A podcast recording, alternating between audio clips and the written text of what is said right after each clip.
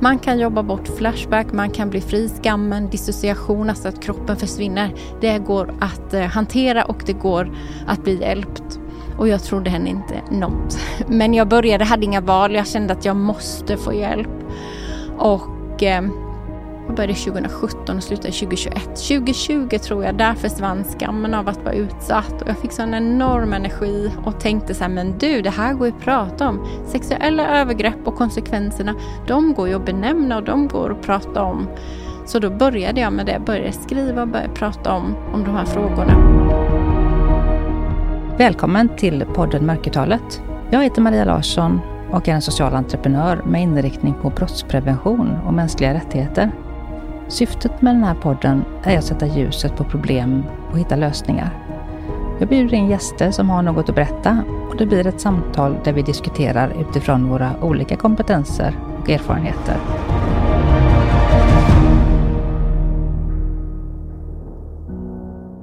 Så, åter ett avsnitt av Mörkertalet. Och ni som har lyssnat innan har märkt att jag bjuder in gäster och tar upp olika perspektiv som inte riktigt kommer fram i den allmänna debatten kring våld och övergrepp.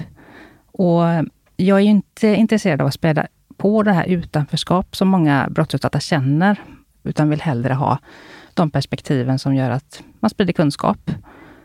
Idag blir ämnet eh, konsekvenser av brott, kan man säga. Hur det är att eh, ha en uppväxt med brott och eh, vad det gör med den och hur man kommer ur det. Dagens gäst, hon är socionom. Hon har magisterexamen i socialt arbete. Hon arbetar som universitetsadjunkt vid Mälardalens universitet, avdelningen för socialt arbete.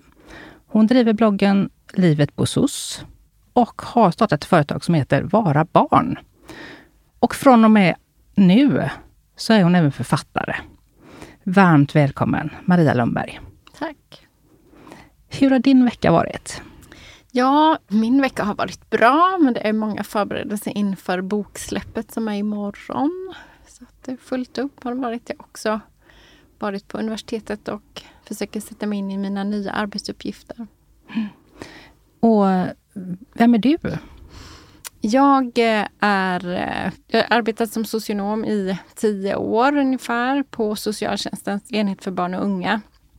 Och jobbat som utredare också i mottag och också jobbat med jourverksamhet när man kan få mer akut eh, stötta barn och familjer. Och eh, jag är här delvis för min bok då, Du ska inte bära skammen för det som hänt. Där beskriver jag min uppväxt med att vara utsatt för sexuella övergrepp av min pappa under flera år under min uppväxt. Mm. Och det som är så fint och fantastiskt med dig, det är ju att du faktiskt eh, ja, är öppen med det och eh, pratar om det. Och nu då har skrivit en bok eh, som kan hjälpa ännu fler.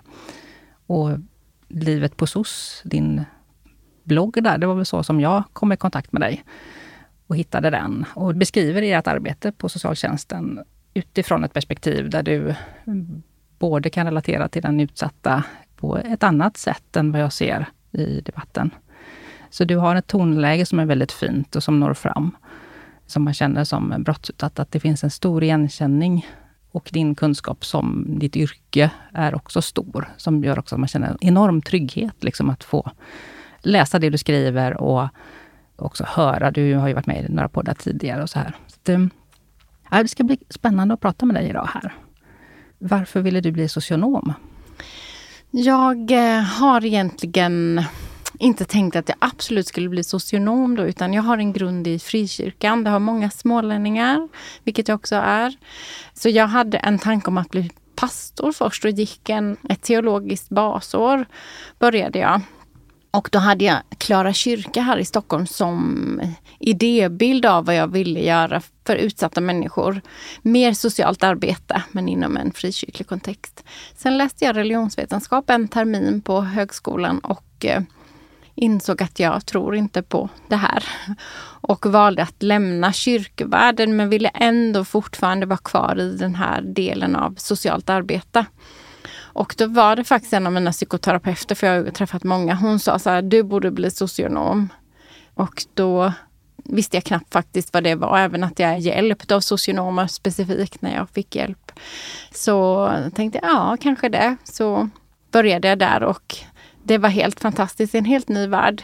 Från vad jag upplevde i kyrkans värld till socionomprogrammets eh, olika perspektiv och å ena sidan och andra sidan. Och jag minns så tydligt att för varje argument jag hade så satt det alltid någon i vår stora klass som tyckte något annat. Det var, jag beskriver nog första terminen som åker runt i en torktumlare för att se. Och det har gett mig jättemycket. Jag tycker fortfarande om det. Att nämna ett perspektiv eller en tanke och höra vad andra tänker, det gillar jag. Så att så var det egentligen. Mm. Ja, det är jätteintressant att man eh, kan ha så många olika tankar kring ja, men ett ämne eller område eller eh, en sak. Och eh, höra och bli nyfiken på. Hur upplever du det? Hur tänker du kring det här? Så att, det, att få vara en sån klass och få känna, och jag är också en frikyrklig uppväxt där man då är formad till att tänka på ett sätt. Så upplevde jag det. Och att få komma i en sån miljö, så otroligt välgörande det måste vara. Ja, det, det var spännande. Mm. Jag ångrar inte det valet du har skrivit en bok som heter Du ska inte bära skammen för det som har hänt. Och um, vem vänder du dig till med den boken och vad handlar den om? Jag vänder mig till modiga vuxna vill jag leta efter, eller leta efter och uppmana att vara. Och eh, yrkesverksamma som har anmälningsskyldighet får gärna också läsa den och, och terapeuter som sitter med och försöker hjälpa människor som har det bagaget som jag har till exempel. Jag ville att boken skulle bli ganska liten av den anledningen att, alltså inte så många sidor därför att har man ett trauma med sig så kan det vara väldigt besvärligt att läsa igenom väldigt många sidor så jag har velat göra den mycket konkret och att den är lättläst på det viset. Sen är ju innehållet svårt men den är uppdelad i olika sektioner. Och det första handlar om min egen utsatthet och där har jag beskrivit en del övergrepp i detalj därför att jag vill visa andra hur ensam ett barn är med en upphetsad vuxen i samma rum och hur förfärligt det är. Så det har jag velat ge en bild av. Syftet och målet är ju när vi vet att så många barn är utsatta och vi vet att det är ett stort mörkertal så jag brukar tänka så här, varje, varje dag går minst ett barn hem till sin förövare. Och att då känna som vuxen att det är obekvämt att anmäla eller obekvämt när man känner oro att vända sig till socialtjänsten. Då skulle jag önska att man efter att ha läst min bok förstår att gör ni det så räddar ni liv. Och det gjorde de personerna som hjälpte mig. Det står också med. Mm. Hur många barn är det i varje klass till exempel som är utsatta för incest? I sin...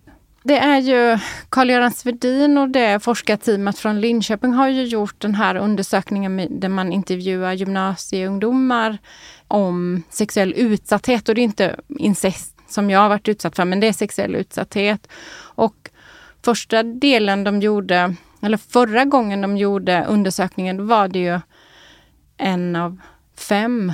Och nu när de gjorde den här gången, den senaste rapporten, så är det en av fyra. Mm. Så att det ökar och man har också sett att eh, det de tar fram i den forskningen handlar mycket om hur man får reda på att barn är utsatta. Och det är en av mina viktigaste mål med att till exempel medverka i poddar. För det handlar om att barn berättar för barn. Och det är den viktigaste kunskapen vi bär egentligen. Barn berättar för barn, står det i rapporten. Och eh, man berättar ofta för en jämnårig kamrat. Vilket innebär att är du nio år så berättar du för en nioåring. Är du 15 så berättar du för någon som är runt 15. Och sen tenderar berättelsen att stanna där av den anledningen att man ges eh, berättelsen med ett tystnadslöfte att inte berätta. Så jag tänker, ska man tänka mer vidare kring det, hur upptäcker vi barn? Då behöver vuxna i barns närhet vara lite nyfikna på den världen. Utan att snoka, men att tala om att man är intresserad. Så har man en nioåring hemma, barnbarn eller sitt eget barn eller någon annan, så kan man fråga Har du fått ta del av en berättelse av en vän som är tung att bära? Och så skulle man kunna hjälpa och skuldavlasta ett barn som bär det. För en nioåring har svårt att bära en sån här berättelse. Ja, jag tycker jättebra tips där. För det är ju det här med att ha hemligheter att bära på. Ett barn ska aldrig behöva bära på en svår hemlighet. Utan hemligheter ska ju vara av bra karaktär. Att nu ska vi ha glass och säg inget till de andra. Så det ska vara hemligheter som känns pirriga och sprudlande. En hemlighet som känns ont i magen, tung, ont i huvudet. Den hemligheten ska man ju dela med någon annan och helst då en vuxen person. För att eh, det är ingenting som barn ska gå runt med. Och barn är rättighetsbärare, det får man inte glömma. Det är vuxna som har ansvar för att barn växer upp schysst. Mm. Och jag tänker att det är så ganska ofta är det ganska synligt också. När man kommer in på en skolgård så har man de här ögonen som du och jag har fått nu då genom utsatthet så har man eh, mycket lättare att se vilka barn som faktiskt far illa. För att det, man har ett beteende som gör att man kanske sticker ut lite. Men det klassas kanske som något helt annat. Både, tänker jag, att man är utåtagerande eller att man är väldigt inåtvänd och står i något hörn bara. Vad tänker du kring det där med skolan? Hur kan man göra för att upptäcka fler barn och få mer hjälp? Jag läste något häromdagen bara att man, barn vill ha hjälp i skolan. De vill inte åka iväg någonstans, utan de vill ha det i skolmiljö. Ja, det jag specifikt det? skulle önska är ju att eh, bygga ut elevhälsan. Vi pratar så mycket om nya socialtjänstlagen som ska träda till med tidiga insatser. Stärka upp elevhälsan. Sätt ett maxtal för hur många elever som kurator och sjuksköterska ska ansvara för. Ha en läkare på plats. Det tycker jag är det första, att barnen ändå har lätt till att få hjälpen. Och sen tänker jag att eh, förskolepersonal och skolpersonal och förskolor specifikt tycker jag är ändå bra på att uppmärksamma barns tecken på utsatthet. Och jag tänker nu, Rädda Barnen kör snart sitt material Stopp min kropp här nu igen i september. Och varje gång som förskola och skola pratar om de här sakerna så ökar orosanmälningarna på socialtjänsten. Vilket innebär att man, ja men man vet ändå att personal orosanmäler och att man funderar. Och jag tror att när man ringer till mottagsenheten till exempel på socialtjänsten, då kan du ju ringa som pedagog och fråga Ja men Kalle, jag brukar alltid säga Kalle, Kalle har sagt det här, vad tänker ni? Och då brukar vi uppmana att ställa fler frågor. Ytterligare frågor när och ja men lite så man kan fånga in vad som har hänt. Så jag tänker det här att man kanske inte vill anmäla handlar nog många gånger om att man är oroad över relationen till vårdnadshavare. Och det skulle jag också vilja skicka med idag att det kan ju bli obekvämt men det får vara värt det då för barnens bästa. Jag tänker, vill vi prata om att bo i ett land där vi tänker att eh, barnkonventionen är lag och att vi vill barns bästa, då behöver man vara modig som vuxen och tänka okej, okay, det blir obekvämt nu men jag kanske räddar livet på den här personen. För det är precis det det handlar om. I mitt eget fall är jag ju räddad till livet. Jag har inte överlevt min barndom. Ja, och orosanmälan är eh, obligatorisk för de som ja, arbetar. Ja, du är anmälningsskyldighet. Så det kan man inte mm. heller. Man kan, ofta brukar rektorerna hjälpa till att stå för anmälan men man vill ändå fråga pedagogen som har varit med. Men du kan ju heller aldrig förhandla bort en oro utan Socialtjänstlagen är ju ordnad så att man anmäler oro vid misstanke om att ett barn far illa. Så det handlar inte om att ha någon bevisbörda på det sättet. Och som pedagog och träffar barnen varje dag så vet man när det är något som är annorlunda. Eller, och det vi vet är ju också att barn, om man skulle jämföra med personer som är utsatta för våld, vuxna, så Eh, läste jag en rapport där kvinnorna berättar, våldsutsatta kvinnor berättar att när man kommer till socialtjänsten så testar man av socialsekreteraren. Orkar hon, och det är ofta en hon, orkar hon eh, ta emot min berättelse? Då berättar man något litet. Men det finns ju också många av de här kvinnorna som pratar om att eh, det blev istället en våldsutsatta som får sitta och trösta socialsekreteraren som inte orkar bära historien. Vi vet att barn gör på ungefär samma sätt. Då kanske Kalle säger så här till pedagogen, pappa blidde väldigt arg idag. Och då kan man fråga vidare lite grann och vara lite nyfiket utforskande.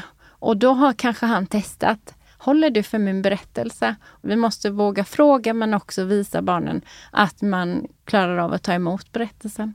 Och det behöver ju förskol och skolpersonal kunna göra därför att det är där som många berättelser tänker jag kan upptäckas. Anledningen tänker jag till att eh, många inte vågar ställa frågorna eller eh, ja, ens eh, ta det vidare så, är väl att man dels inte vill se det här. Man vill inte förstå, man vill inte tro att det är på det sättet. Vad tänker du om det? Att man... Ja, det tror jag är det vanligaste. Och när jag läser i det lika så den här rapporten, den heter ju Unga, sex och internet efter hashtag metoo. Stiftelsen Allmänna Barnahuset av eh, Linda Jonsson, Åsa Landberg och Carl-Göran Svedin. Där pratar de ju om att eh, berättelsen tenderar att stanna hos barnets föräldrar. Så vi säger att eh, Kalles kompis då går hem och berättar för sin mamma, mamma är det ofta som får ta sådana berättelser. Då tenderar berättelsen av utsatthet och sexuell utsatthet att stanna där. För då börjar mamma tänka, ja vad Kalles pappa, han verkar ju så bra eller man vill inte tro att det är sant och det är ju en del som man behöver lyfta upp som jag tänker på min egen utsatthet. Min pappa spelade i kyrkan och gitarr och så vidare. Och då, man blir inte den personen som är misstänkt och vi kan inte tänka att det skulle vara samma. Jag brukar säga så här, den här trevliga grannen som du har, som vattnar dina blommor när du är på semester år efter år och ställer upp. Att den personen också förgriper sig sexuellt på sin dotter, det är tankar vi inte vill, vi inte tänka om. Och då slår man nog det ifrån sig. Så det tycker jag det gäller att våga tänka att så kan det faktiskt vara. Ja, och våga se de här barnen då som då kanske har någon form av utåtagerande beteende eller självskadebeteende på olika sätt. För det tycker jag man ser väldigt ofta, att man går åt olika håll där med självskada. Antingen svält eller man skär sig eller ja, på olika sätt ja, man tillfogar sig själv liksom skada eller utsätter sig för extrem fara också. Så att, eh, ofta är det, det, tänker jag, som man ser utåt och som det blir uppmärksammat kring. Men eh, det går att backa där och tänka tankarna, varför har det blivit så här? Att det är en eh, typ av ångestreglering. Allmänheten, alltså vi vanliga grannar och så här, vi har ju inte anmälningsplikt då för att göra en orosanmälan. Men eh, vi kan ju göra det och vi ska ju göra det tycker jag. Jag har ju själv gjort många. Och mm, man kan ju också göra dem anonymt, vilket man inte kan som professionell då. Så om man faktiskt inte vågar det kan vara olika skäl då. Att man är närstående eller man är granne eller någonting och man är faktiskt lite rädd för den här personen. Så går det att göra det anonymt då. Det är ju inte riktigt vad jag förstår vad socialtjänsten helst vill då. Men det går och det är bättre, tänker jag, att det kommer in fler. Alltså ju fler orosanmälningar runt ett barn som kommer in, desto bättre. Även om det är några som är anonyma då. Hur tänker ni där kring anonyma? Ja, det som kan vara svårt med anonyma är ju att att, eh, för när man är i mottagningsdelen, den första delen, när orosanmälan kommer in, då får ju socialsekreteraren bara ta tre kontakter. Och man får prata med barnet själv och du får prata med vårdnadshavare. Och det fjärde är att då skulle du kunna ringa upp anmälan igen och ställa följdfrågor. Det kan ju vara så ibland till exempel när vi har någon läkare som rapporterar om något så kanske vi inte alltid heller vet vad inte riktigt innebär. Då får man ringa upp och kolla så man förstår anmälan i sin helhet. Så det förlorar man.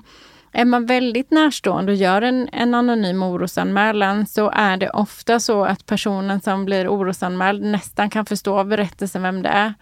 Och då kan det nästan vara bättre att stå för den anmälan, kan jag tycka då, om man klarar av det.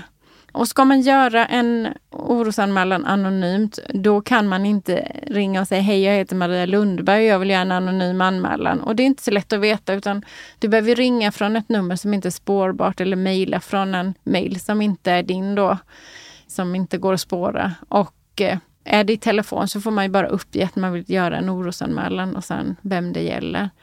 Så det är klart att det är önskvärt, men det är inte alltid. Jag håller med dig. Det är bättre att eh, vi får in orosanmälan för då det blir i vilket fall som helst att vårdnadshavare och barn får komma till det här första mötet där socialtjänsten ska göra en bedömning. Ska vi öppna utredningen? Är det så pass oroligt så att man vill behöver gå vidare med en längre kontakt? Och det händer mycket. Vi får ju ofta, eller socialtjänsten får ju ofta kritik att det inte händer någonting. Men jag har själv jobbat i mottaget och det händer många processer där med vårdnadshavare. Där kanske mamma eller pappa, att det går upp för dem hur, ja, men hur barnet har mått. Jag har haft suttit med barn som har hamnat i kläm i vårdnadsprocesser. Jag minns eh, speciellt en liten kille, kan han ha varit åtta år kanske.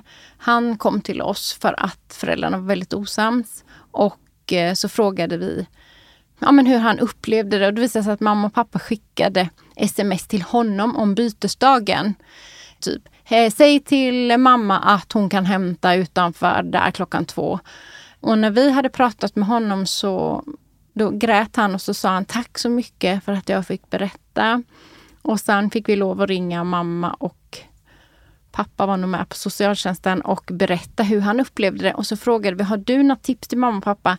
Jag skulle önska att de kunde smsa varandra. Och båda föräldrarna sa, men hjälp, det är klart vi kan.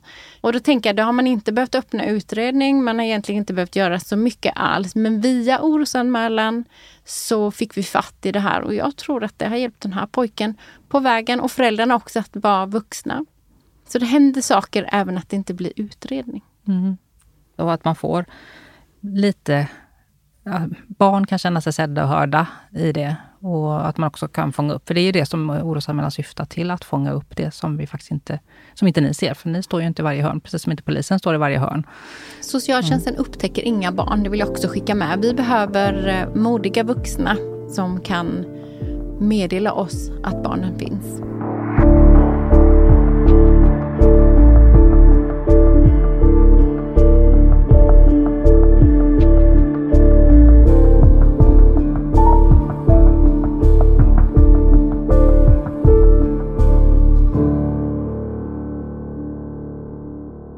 Hur gick det till när du fick hjälp? Jag eh, var ju 16 och gick på gymnasiet och eh, jag började gå ner väldigt mycket i vikt då. Så och jag berättade inte, jag var en väldigt tyst flicka och jag var också väldigt hotad av pappa. Berättar du det här så kommer polisen att ta oss. Och jag hade mycket skamkänslor för pappa berömde ofta min kropp så här. Att dina bröstvårtor blir styva, det visar att du tycker om det här och, och så vidare. Jag hade också möjlighet vid något av övergreppen att välja om jag ville att pappa skulle ta med fingrar eller om han skulle slicka mig i underlivet och då valde jag slicka. Jag vet att jag lyfte det med min psykoterapeut och då sa hon då kände jag väldigt skuld över att eh, jag hade valt och då sa hon det är ju ett tredje alternativ som inte finns med och det är ju att slippa då. Så i de delarna jobbade vi ju med skamkänslan där. Så jag var väldigt tyst. Men det var en sjuksköterska som var lite äldre och jag fick komma tillbaka och väga mig, gick ner väldigt mycket vikt och var väldigt trött och hon gav liksom inte upp. Och till slut, jag berättade inte för henne, men någonstans i den här processen så tog hon kontakt med skolkuratorn.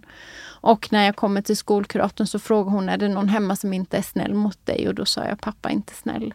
Och då gick det väldigt snabbt. Då blev jag placerad i familjehem. Så det gick snabbt. Mm. Blev din pappa dömd? Ja.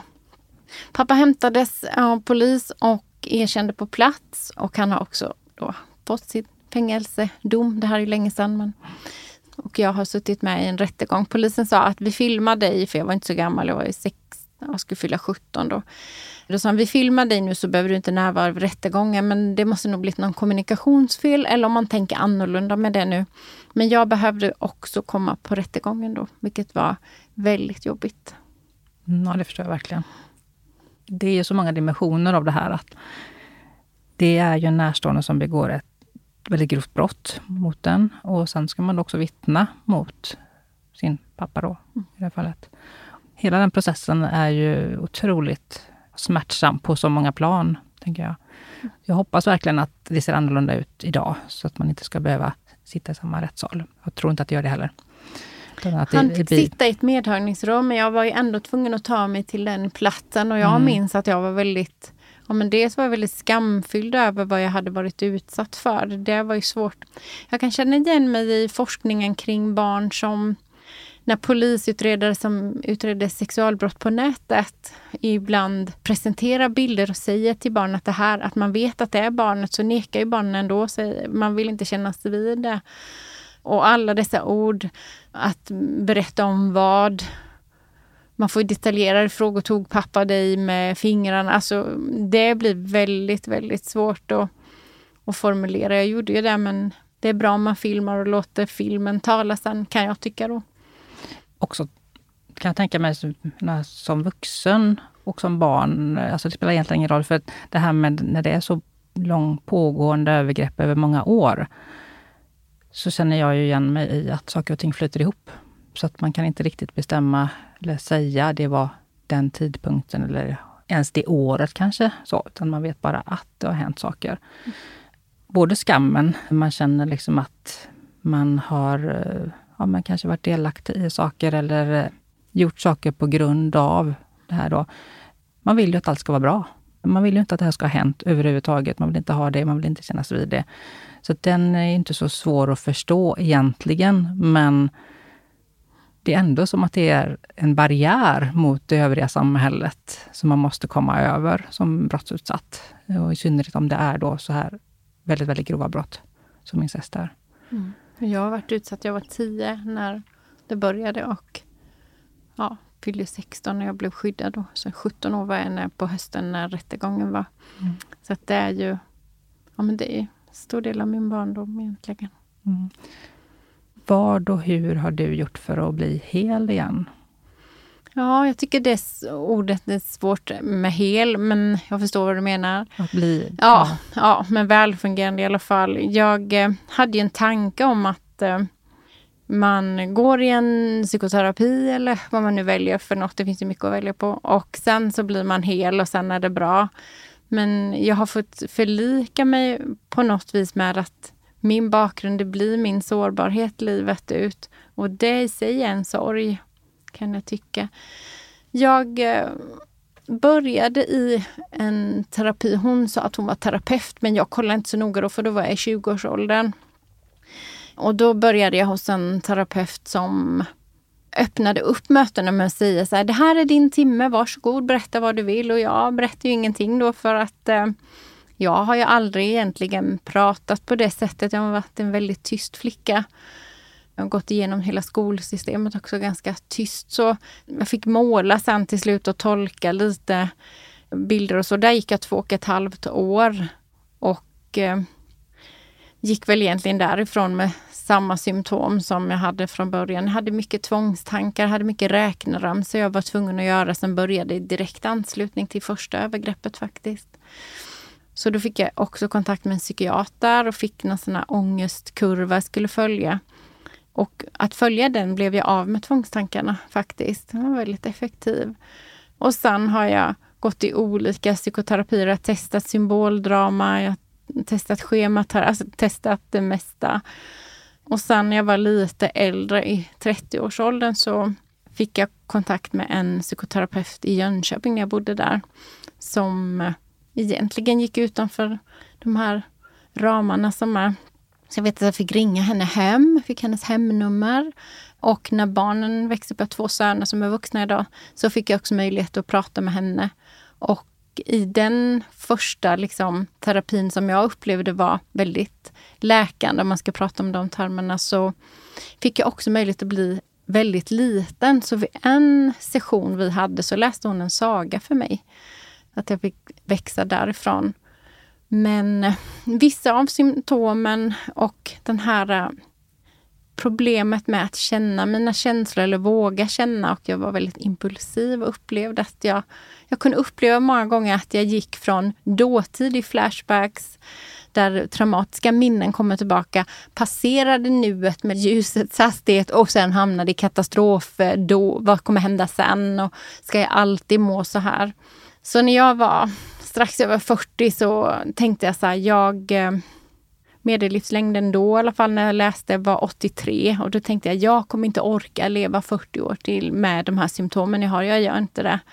Jag har mina fina barn, jag har bra jobb och, och men jag hittar inte meningen med livet i den delen att jag kunde inte själv vara delaktig i meningsskapandet av livet. Så jag tog kontakt med en psykiater och psykoterapeut i Stockholm och sa hej, jag tror att jag har en eh, diagnos. Kan jag bara komma upp till dig så kollar du av det så får jag någon medicin för det bara. Och då fick jag komma upp till henne och då hade jag också med mig ett eh, jag hade kollat upp en självmordsklinik i Schweiz då och då hade jag sett att liknande det här att om du är palliativ, alltså döende, då så kan du ju få betala en summa och så kan man få aktiv dödshjälp, heter det väl. Med slarvigt ord, det finns något fint namn för det. Men eh, då har de också sett att det var någon som med psykiatriska bekymmer som också hade fått hjälp via två psykiatrer, alltså läkare som är vidareutbildade, skriver under och intygar att den här personen har så stort eh, psykiskt lidande så att det är bra om hon får vila in. Då. Så det tog jag med mig. Och så la jag fram det och så sa jag, jag skulle vilja att du skriver under. Och då sa hon, Marsha Linehan som startade DBT, dialektisk beteendeterapi, som har jobbat med självskadande flickor, mestadels då emotionellt instabil personlighetsstörning tror jag man kallar det, eller kallas det borderline för. Hon är inte motståndare till att man kan uppleva livet för besvärligt. Men, sa den här psykoterapeuten, jag vill jobba med dig först. Ja, Okej. Okay. Så vi kom överens om tio gånger, som blev fyra år. Och eh, hon sa till mig direkt, man kan jobba bort flashback, man kan bli fri skammen, dissociation, alltså att kroppen försvinner. Det går att eh, hantera och det går att bli hjälpt.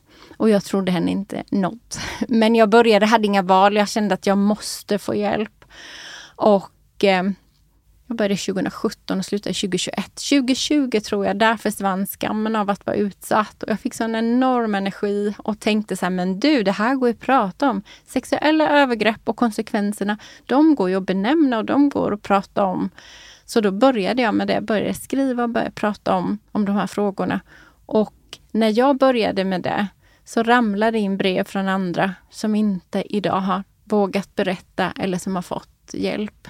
Så att det känns väldigt fint att kunna få vara med och ändå öppna upp med det här ämnet. Och sen Flashback försvann, det hade jag dagligen, hade flera gånger om dagen.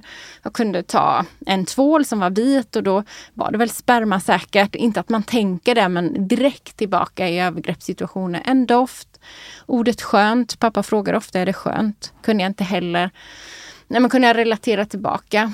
Och när jag fick redskap för att hantera, då sa hon så här traumatiska minnen, eller minnen överhuvudtaget, som ska ligga still i korgen, sa hon. Hon har hundar, så hon gjorde det som en, en bild för det. Och sen ska du kalla på dem om du vill titta på minnena. Du kollar du på dem och så lägger du tillbaka dem.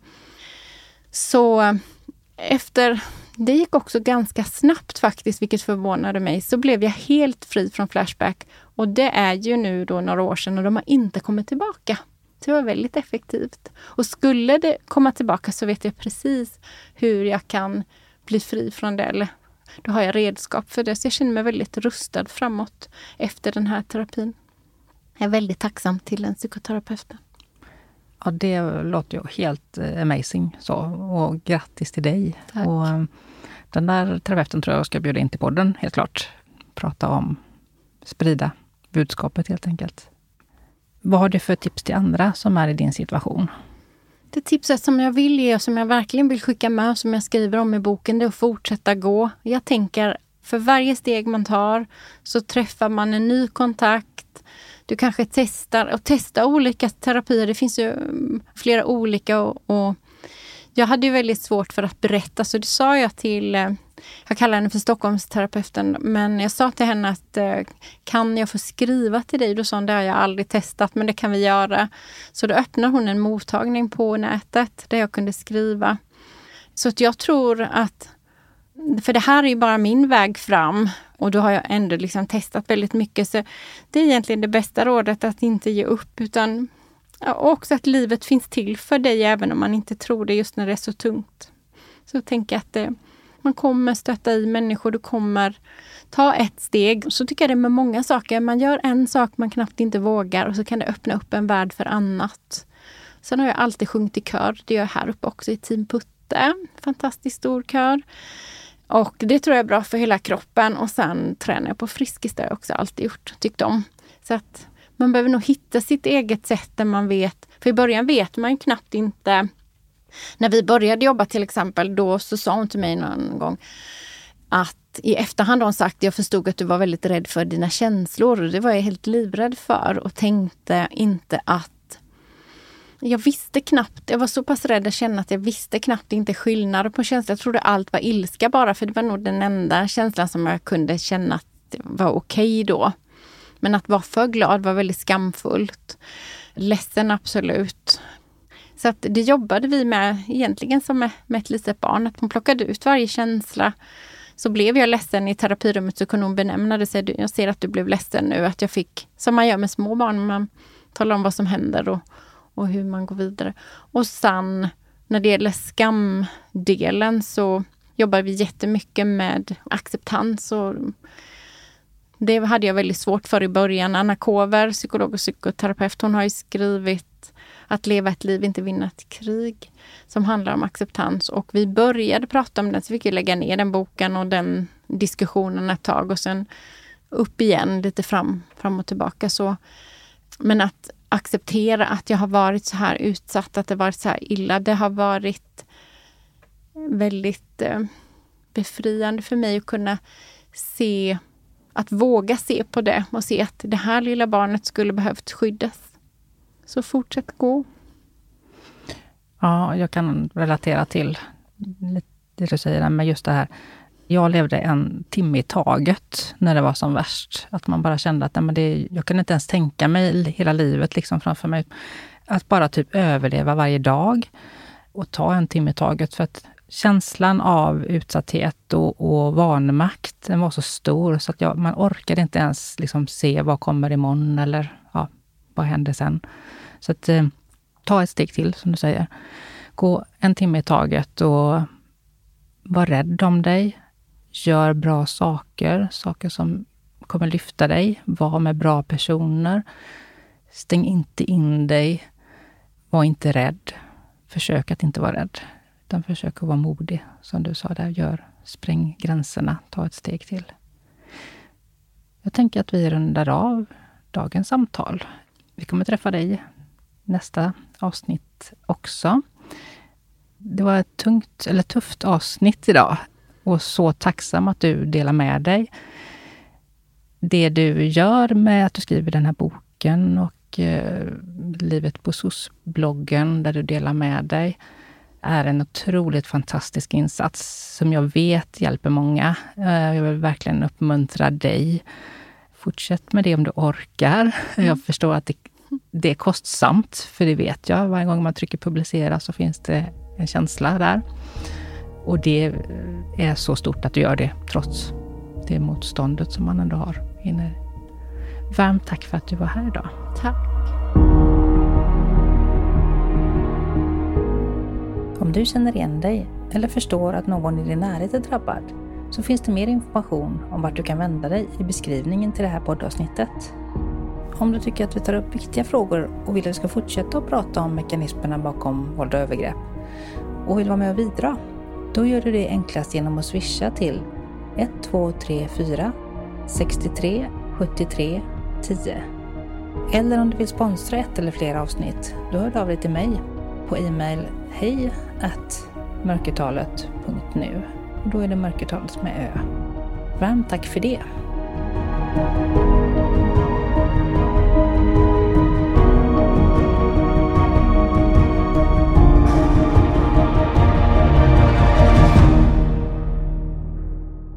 Podden Mörkertalet produceras av mig, Maria Larsson och Stray Dog Studios.